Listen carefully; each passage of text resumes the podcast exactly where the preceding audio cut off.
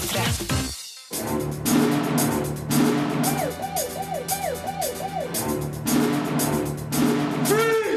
Filmpolitiet!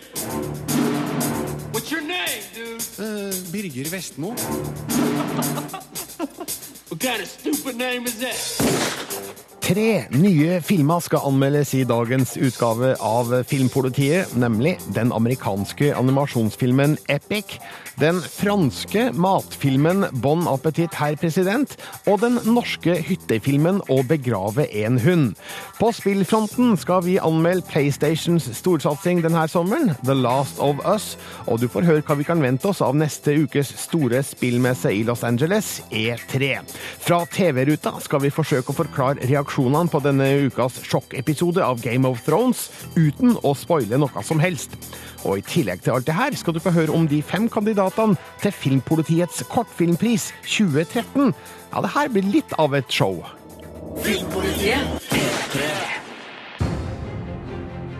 My dad always told me stories about a hidden world where brave warriors watch over and protect us.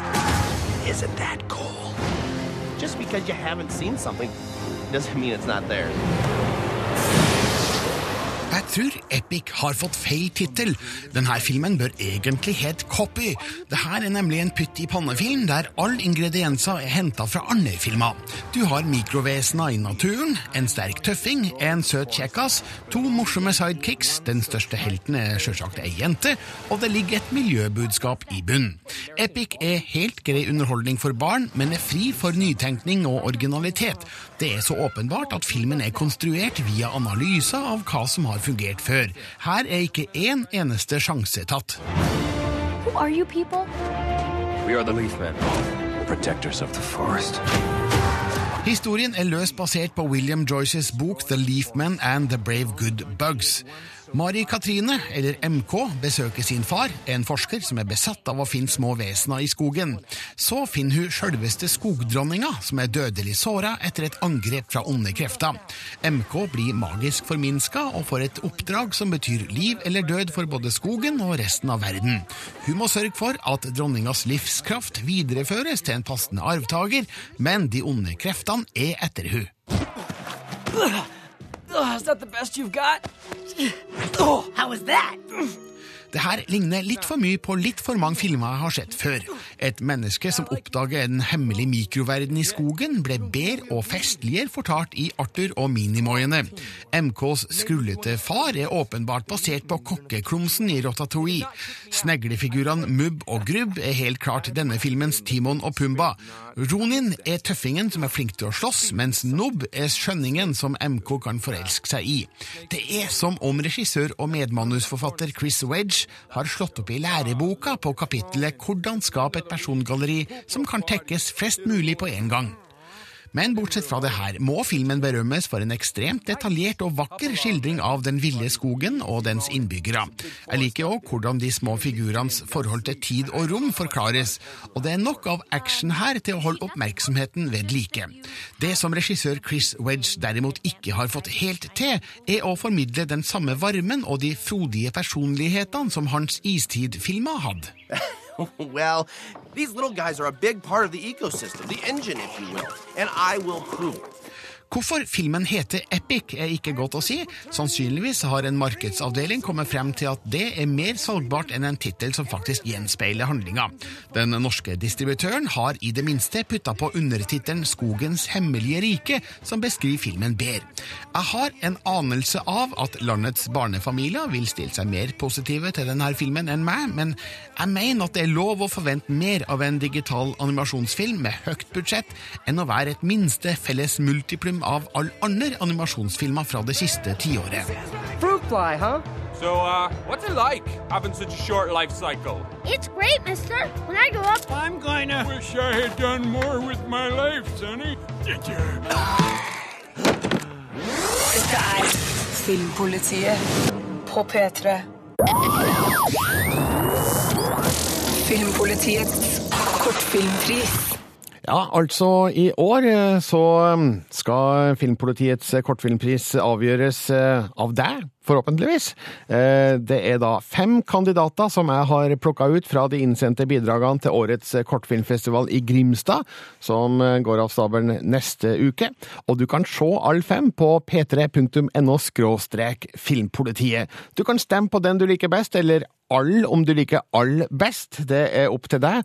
Og vinneren kåres da under kortfilmfestivalen i Grimstad neste lørdag. Da får vinneren tildelt eh, diplom og ikke minst 10 000 kroner fra NRK. Og de fem bidragene er for det første Haiken, der vi møter Kristoffer Hivju, kjent fra The Thing og Game of Thrones, og også Fredrik Hermansen. Eh, Den ene av dem spiller Torgeir, eh, en eh, sjåfør som plukker opp en blind haiker, som spilles av Hermansen. Eh, Men han har ingen ambisjoner om å kjøre den dit han skal, og det blir et uventa møte mellom to ensomme mennesker i natten. Morsom eh, og eh, en ganske sprek film av Anders Teig, som da har regien på Haikeren. Den andre filmen er Snø, en sjarmerende historie om komponisten som jakter på lyden av snø.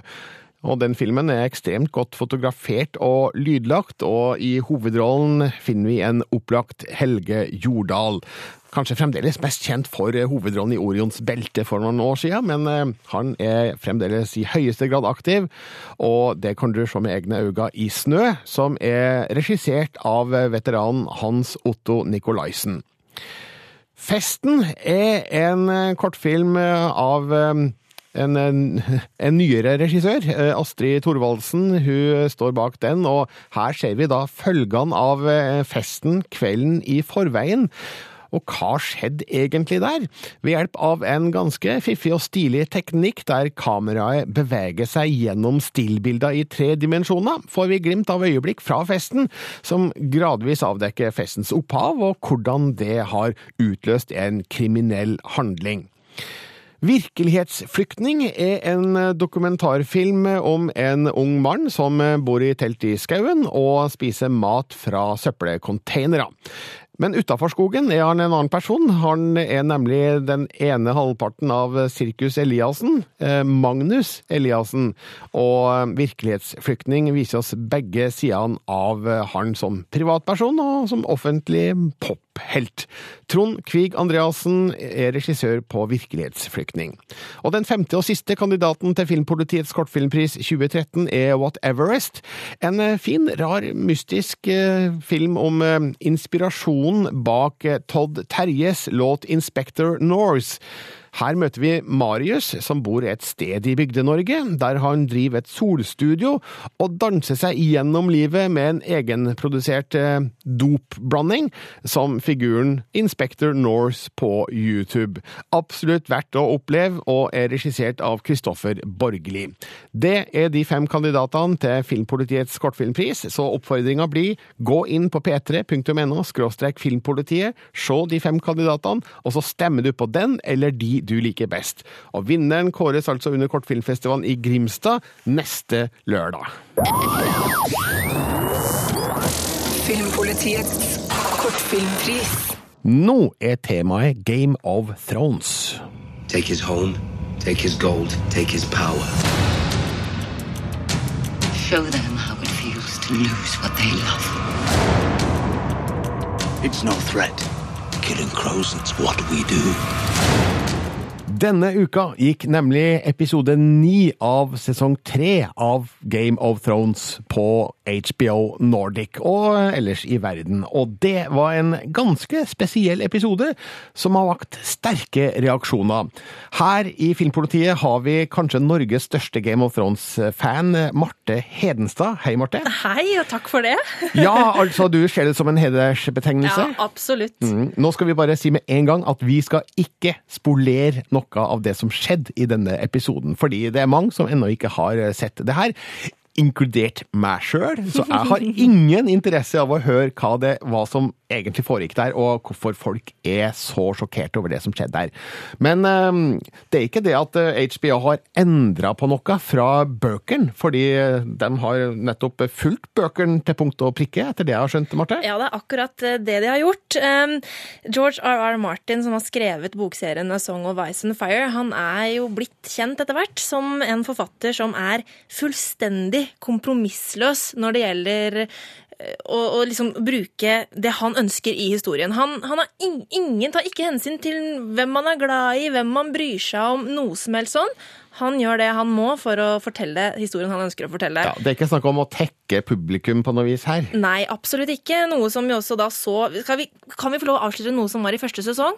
Ja, la oss gjøre det. Men har du ikke sett første sesong av Game of Thrones og vil uh, være jomfruelig der, så hold igjen ørene nå. ok, Men, hold igjen uh, ørene nå. Ja, for han sjokkerte jo veldig mange av de som ikke hadde lest bøkene, da Ned Stark rett og slett ble halshugga i første sesong. En av, de, som en av hovedpersonene eh, i første sesong. Og, og da viste han jo at han han, han, sparer ikke på noen ting. Eh, og så, så kommer vi da til sesong tre, til boka A Storm of Swords, hvor han da igjen viser at jeg er fullstendig kompromissløs.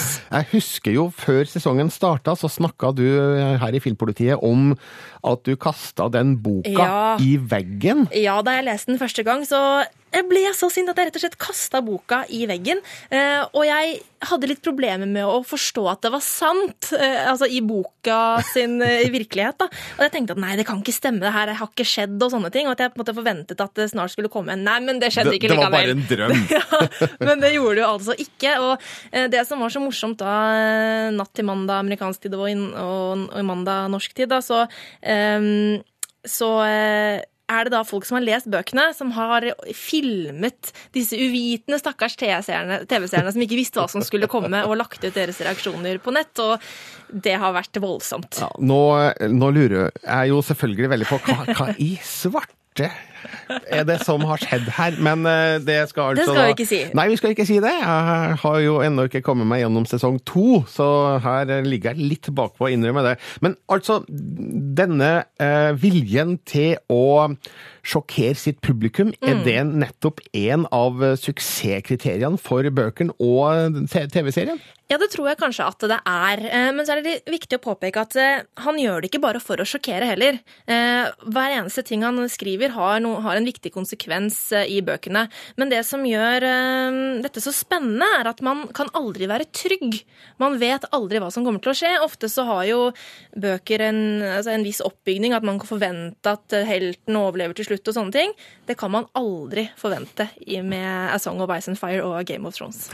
Og dette gjaldt altså episode ni av den tredje sesongen av eh, TV-serien. Og eh, dersom du nå fikk lyst til å finne ut hva dette dreier seg om, så kan du altså da se sesong tre på HBO Nordic akkurat nå. Takk skal du ha, Marte Hedenstad. Bare hyggelig. Den danske filmen Jakten i regi av Thomas Winterberg tok meg med storm under filmfestivalen i Cannes i fjor. Nå er den endelig ut på Blu-ray og DVD, slik at den kan ta deg med storm hjem i stua di. Her skal du få et gjenhør med min eh, kinoanmeldelse. Og så håper jeg virkelig du får lyst til å sjekke ut en av fjorårets aller beste filmer. Der er vist noe galt her.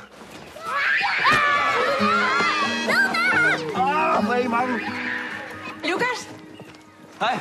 Kigger du lige ind et øjeblik? Av og til får jeg lyst til å reise meg i kinosalen og rope til figurene på lerretet. Regissør Thomas Winterberg gjør meg farlig sint med sitt intense drama 'Jakten', der Mats Mikkelsen spiller en av sine sterkeste roller. Historien er av typen man kan relatere seg fullt og helt til, men håper man slipper. Denne filmen tok tak i meg, rysta meg, rørte meg og gjorde meg rasende og tankefull. Sindssygt eller hvad? Hvis du har rørt min lille datter, så får du en kugle. Lige. Lukas, spilt av Mikkelsen, får livet snudd på hodet når en kommentar fra ei lita jente vekker mistanke om at han har forgrepet seg på hun i barnehagen der han jobber. En uheldig formulering vokser med eksplosiv fart til en vedtatt sannhet om at han virkelig er skyldig. For alle er skjønt enige om at barn aldri lyver. Eller gjør dem? Hun lyver ikke, det har hun aldri noensinne gjort. Så hvorfor skulle hun lyve nå? Publikum vet hele tida at mistanken er fullstendig uberettiga.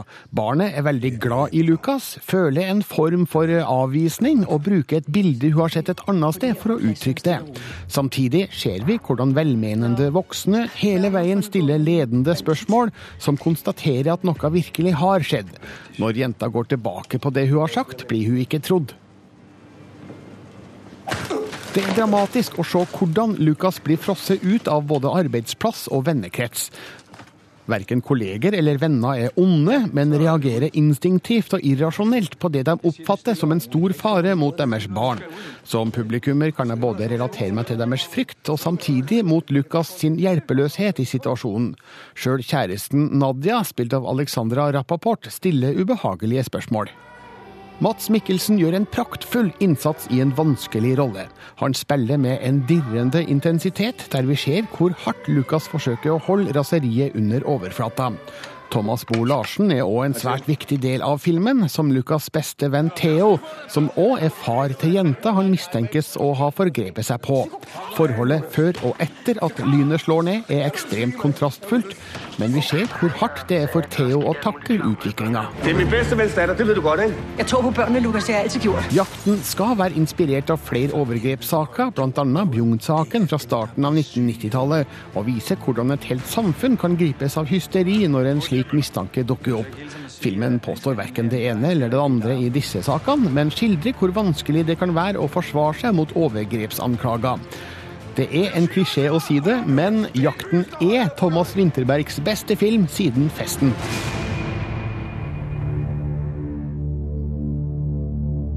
Og det var et gjenhør med min kinoanmeldelse av 'Jakten', som nå er ute på Blu-ray og DVD. Dette er Filmpolitiet på P3. Nå skal det handle om et nytt dataspill her i Filmpolitiet. Et som har release neste fredag, altså 14. juni. Det heter The Last of Us og er en ny storsatsing for PlayStation. Og historien om Joel og Ellie i The Last of Us har fengsla vår filmanmelder, vår spillanmelder, skal jeg vel kanskje si, Rune Haakonsen. How did you know No, what? About the ambush? I've been on both sides. To tiår etter utbruddet lever overlevende etter en dødelig infeksjon i strengt kontrollerte soner. Millioner på millioner er døde, eller det som verre er, de er infiserte. De som rammes av den viruslignende infeksjonen, er ikke lenger mennesker, men blodtørstige monstre uten egen fri vilje. Men vent. The Last of Us er ikke et zombiespill, noe Sony og utvikleren Naughty Dog har brukt mye tid og krefter på å understreke. Det er en fortelling om to mennesker som sammen må overvinne de største hindringene i deres liv. It can't be any worse than in here. Can it? We're shitty people, Joel. It's been that way for a long time. No, We are survivors. This is our chance. It is over, Tess! Med tydelig inspirasjon fra Corbeck McCarthys novelle The Road fra 2006 må den hardbarkede Joel og den unge jenta Ellie reise gjennom et USA rammet, lammet og ødelagt av konflikten med de infiserte. I samme stil som Uncharted-spillene må du i tredjepersonsperspektiv skyte, snakke og snike deg gjennom fortellingen. Spillmekanikken er gjennomarbeidet, og overgangen mellom filmaktige sekvenser og dine handlinger foregår sømløst. The Last of Us forsøker å forene idealet om virkelighetsnær grafikk og spillfigurer som er mer enn piksler på en skjerm. Hovedmålet til utvikleren Naughty Dog er å fortelle at Joel og Ellie er levende mennesker. De eksisterer utenfor TV-skjermen din. This is fancy. You ever stayed at a place like this? I before it all went to shit, I mean. No. No, this is too rich for my blood. Bet it was nice. Åpningsscenen finner sted 20 år før hovedhistorien i spillet tar til. Joel er alenefar og kommer hjem til datteren sin.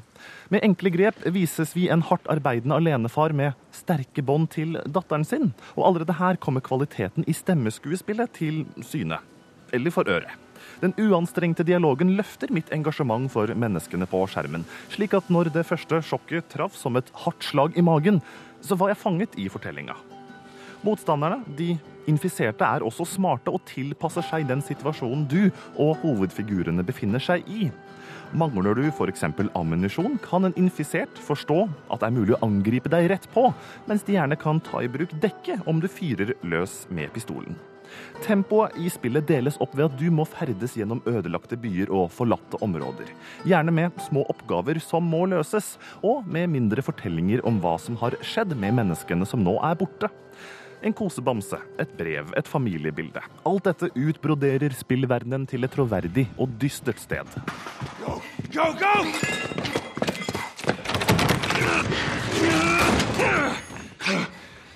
Did we lose them? Yeah, But we're not in the clear, right?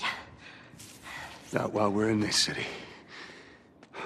De stille øyeblikkene i The Last of Us blir brått avbrutt av intense kamper, mens andre ganger får du muligheten til å angripe først.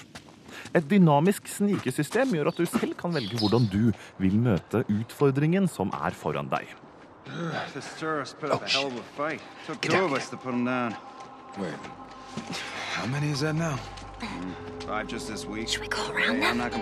Men kampene er likevel ikke spillets sterkeste side, og kan etter noen timer føles som en unødvendig hindring for å fortsette på selve historien.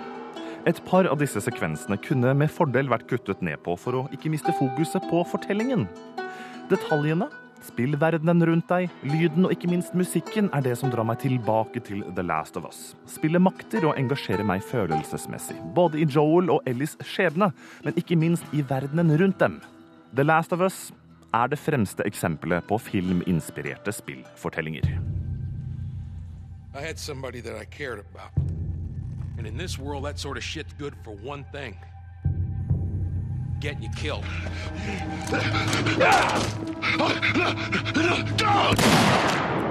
Rune Håkonsen ga terningkast fem til storspillet The Last of Us, som har release neste fredag. Les mer om det, og se videoklipp på p3.no skråstrek filmpolitiet. C'est lui le haut fonctionnaire qui a besoin d'une cuisinière Ça, je peux pas vous dire. En film om mat gjør meg alltid sulten. Også den franske filmen Bon appétit, herr president, formidler matglede slik at jeg nesten kan kjenne duftene strøm ut i kinosalen. Men filmen mangler noe vesentlig på menyen, nemlig en god historie.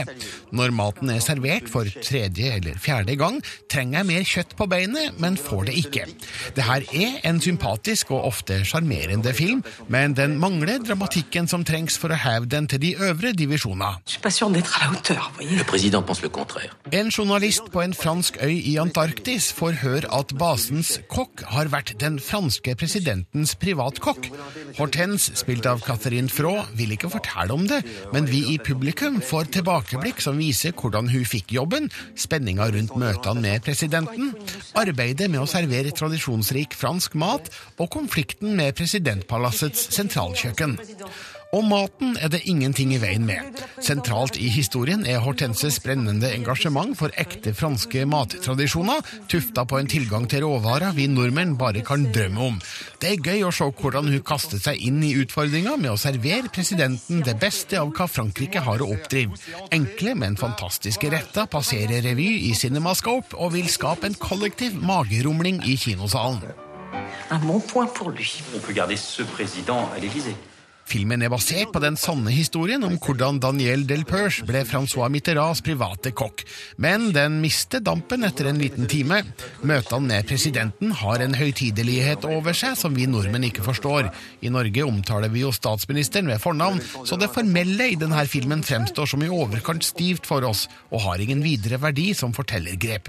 Konflikten med sentralkjøkkenet, som er filmens dramatiske høydepunkt, mangler den helt store temperaturen. Det samme gjelder avrundinga, som prøver litt for hardt å selge Hortense som en elskelig figur som kan utrette mirakler hvor enn hun kokkelerer.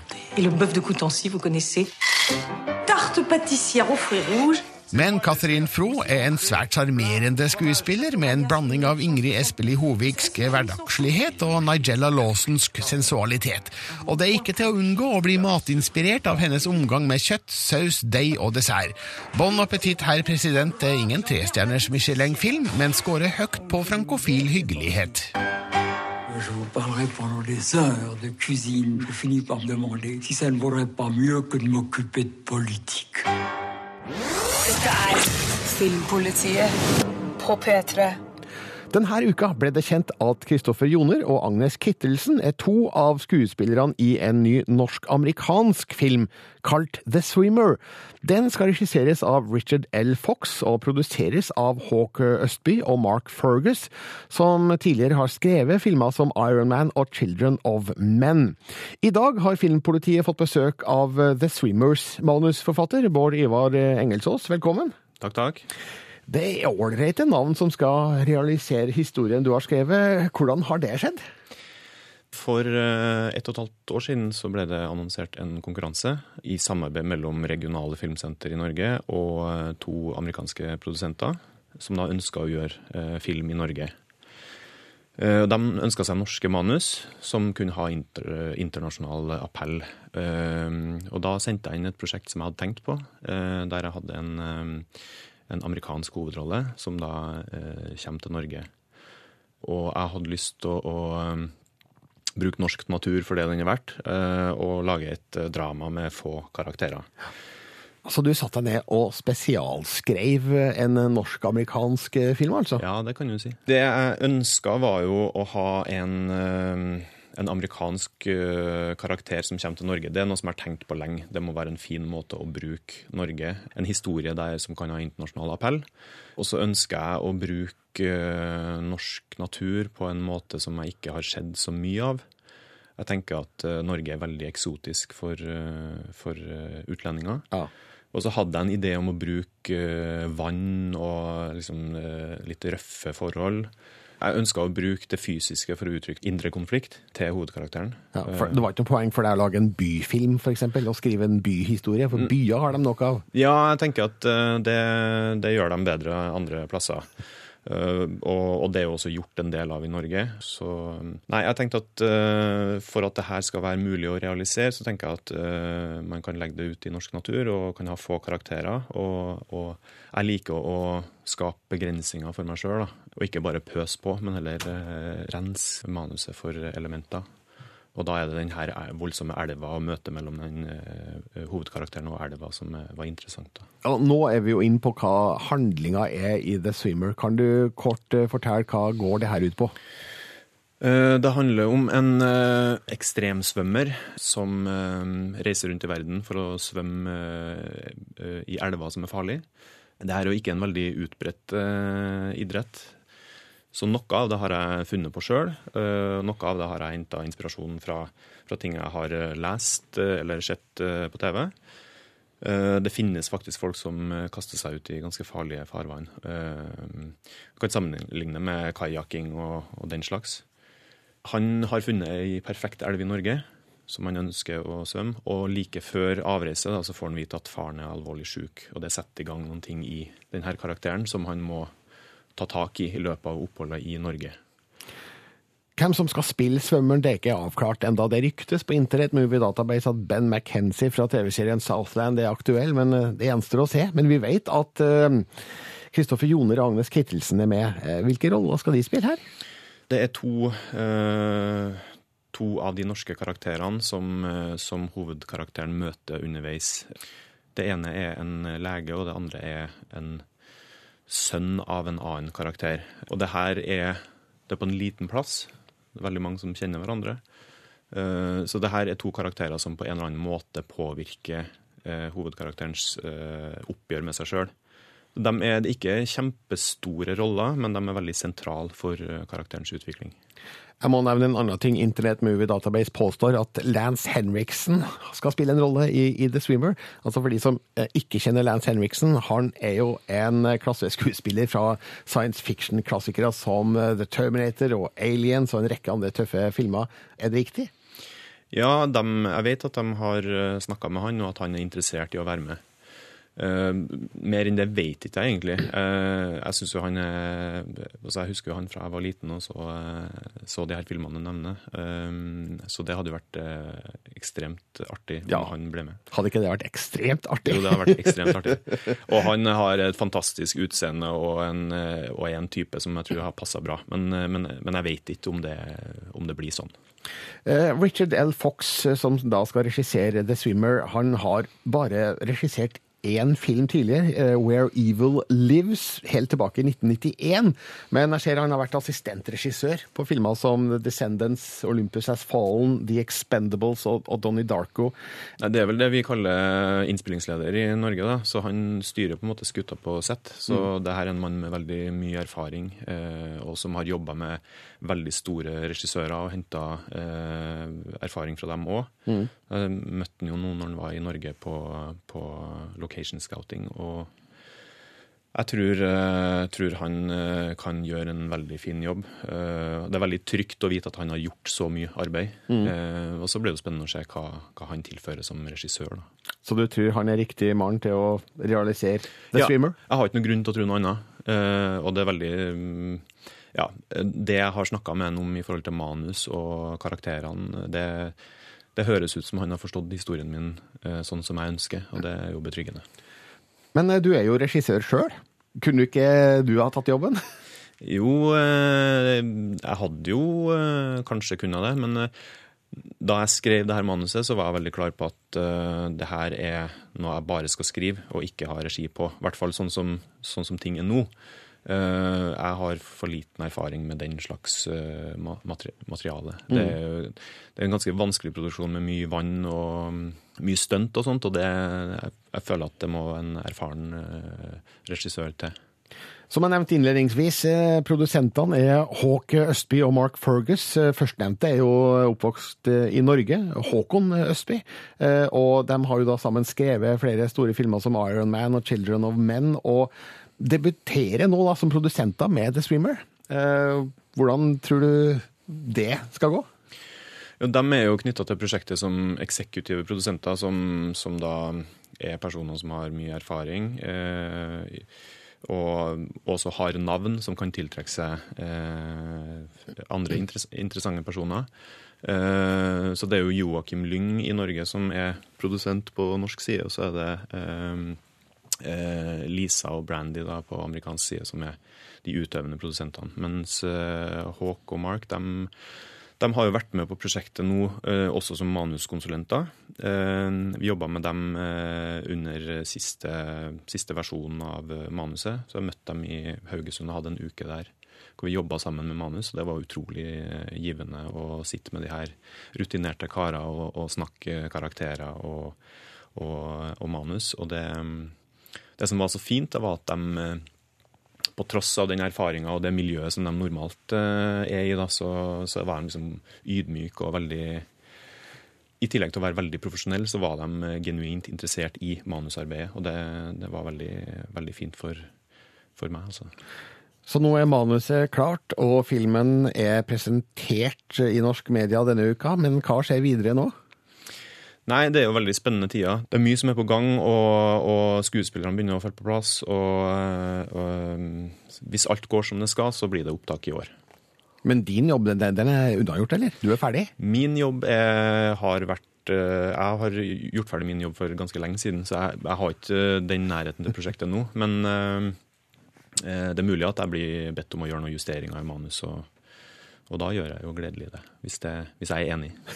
Da ser vi fram til The Swimmer blir en eh, realitet. Manuset er i hvert fall eh, helt på plass. Bård Ivar Engelsås, takk for at du kom til Filmpolitiet. Sjøl takk.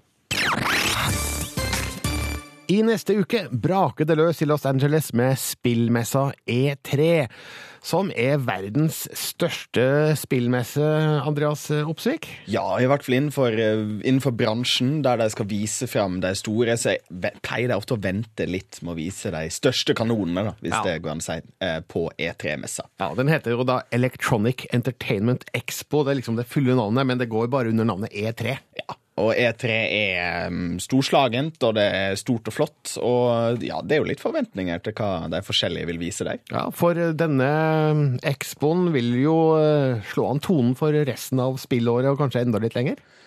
Ja, og det er i hvert fall venta at det, mye, um, det blir mye om neste generasjons spillkonsoller, og for så vidt litt om uh, f.eks. Nintendo, som har hatt litt uh, dårlig salg på Nintendo Wii U uh, siden jeg lanserte den. Og de er i hvert fall venter at de må um, ta opp og, og, vise fram kanskje en del av, av navnene som de har fra før. Mm. Litt sånn Mario Kart, um, Super Smash Bros og andre navn som er, er kjente, men som, som folk venter på. da. Hva annet konkrete ting er det vi kan vente oss under E3? Vi kan nok vente oss at Microsoft vil vise frem flere spill uh, som uh, kommer til den kommende Xbox One-konsollen. De hadde jo en, en presentasjon i, i, mai, men det var mange som ble skuffa over at det var mye fokus på TV og streaming og heimekino og sånn. De, de, de, vil vente på de spillene. Hvor mm. er spillene våre? Så det er absolutt en av de tingene som det nok kommer til å dukke opp. De, de sa vel at de er i, i prosess med å lage 15 IP-er, altså åtte, derav åtte nye. Så får vi håpe at de nye ikke bare er sånn Dance Connect 2-type spill, og at det kanskje er litt, litt spill for, for, alle mulige typer spillere. Det ligger jo an til en liten konsollkrig utover året mellom Xbox One og PlayStation 4. Vet vi nå om hva Sony har tenkt å gjøre på, på E3? Sony kommer nok til å fokusere litt på de um, spillene som, som, kommer eksklusivt til sin konsoll, og, og, kanskje òg en del på spill som, som, har eksklusivt innhold. De har jo blant annet Assassin's Creed 4 får jo blant annet eksklusivt innhold til, hos PlayStation 4, og ellers så blir det nok uh, ja, jeg tipper enkelte storspill, sånn som, sånn som Gran Turismo 6 og, og Puppeteer. Det er litt, litt mindre merkelige spill, som Puppeteer òg kommer de nok til å vise frem. Uh, og så får vi nok sett mye til kanskje veldig dagsaktuelle Watchdogs. Overvåkningsspillet, som akkurat i dag, når det viser seg at det er mer overvåkning gjennom sosiale medier enn vi tror, så er kanskje det desto mer aktuelt. E3 starter 11. juni i Los Angeles, og vi skal følge denne messa på p3.no skråstrek filmpolitiet. Takk skal du ha, Andreas Opsvik. Gutta er det viktigste å ha, Mikkel. Jeg vet det. Du veit det? Ja.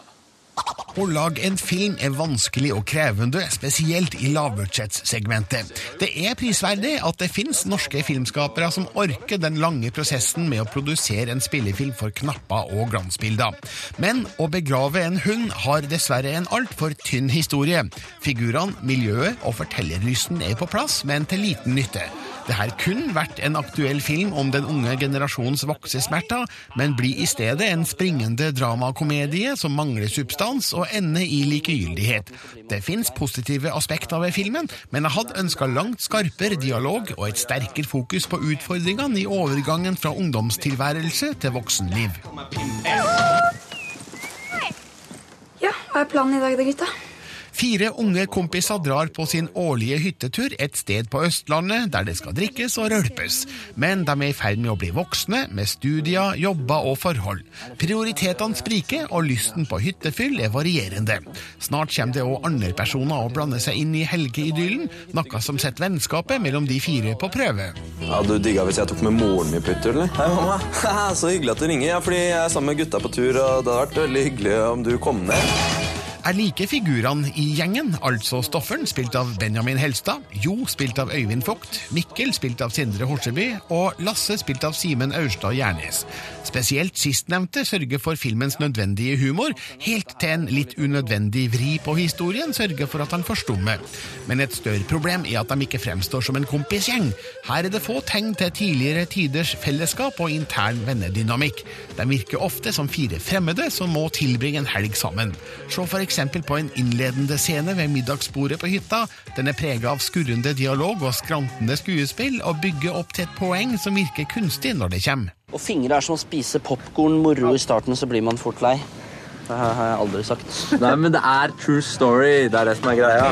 Senere i filmen stifter vi bekjentskap med Fritz, spilt av Olav Våstad, et ikke helt troverdig eksempel på gamlisungdom.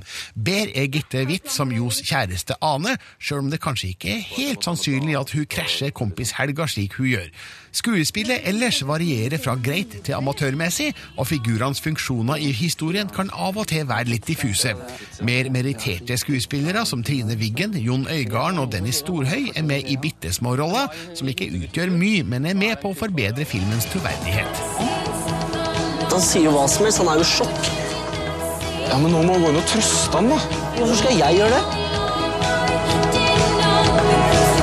Å begrave en hund er fint fotografert, klippa og lydlagt. Den tekniske kvaliteten er god, men jeg blir med en gang skeptisk når jeg konstaterer at vi har fått nok en norsk film med spilletid på en time og et kvarter, som pleier å være et ganske sikkert tegn på en liten historie med kreativ tørke. Men det er slett ikke sikkert at Å begrave en hund hadde vært bedre om den var lengre. Filmen har flere enkeltscener som er fine hver for seg. Noen av situasjonene fikk meg òg til å trekke på smilebåndet, men jeg føler at den overhengende historien er for svak. Jeg ble ikke klokere på hovedpersonenes problemer, eller hva konklusjonen på hyttehelga egentlig blir. Regissørene er Julian Hagemann og Andreas Risberg. Førstnevnte har også skrevet manuset med Torkil Jarholt. Jeg tror det vil være nyttig for dem å gå flere runder med manus før de lager neste film, noe jeg håper de får anledning til. Ja, man skjønner at dette her er en årlig tradisjon. Dette er Filmpolitiet på P3. Filmpolitiet er over. Sjekk ut alle anmeldelser og kandidater til Filmpolitiets kortfilmpris på p3.no slash filmpolitiet. Jeg heter Birger Vestmo. God helg!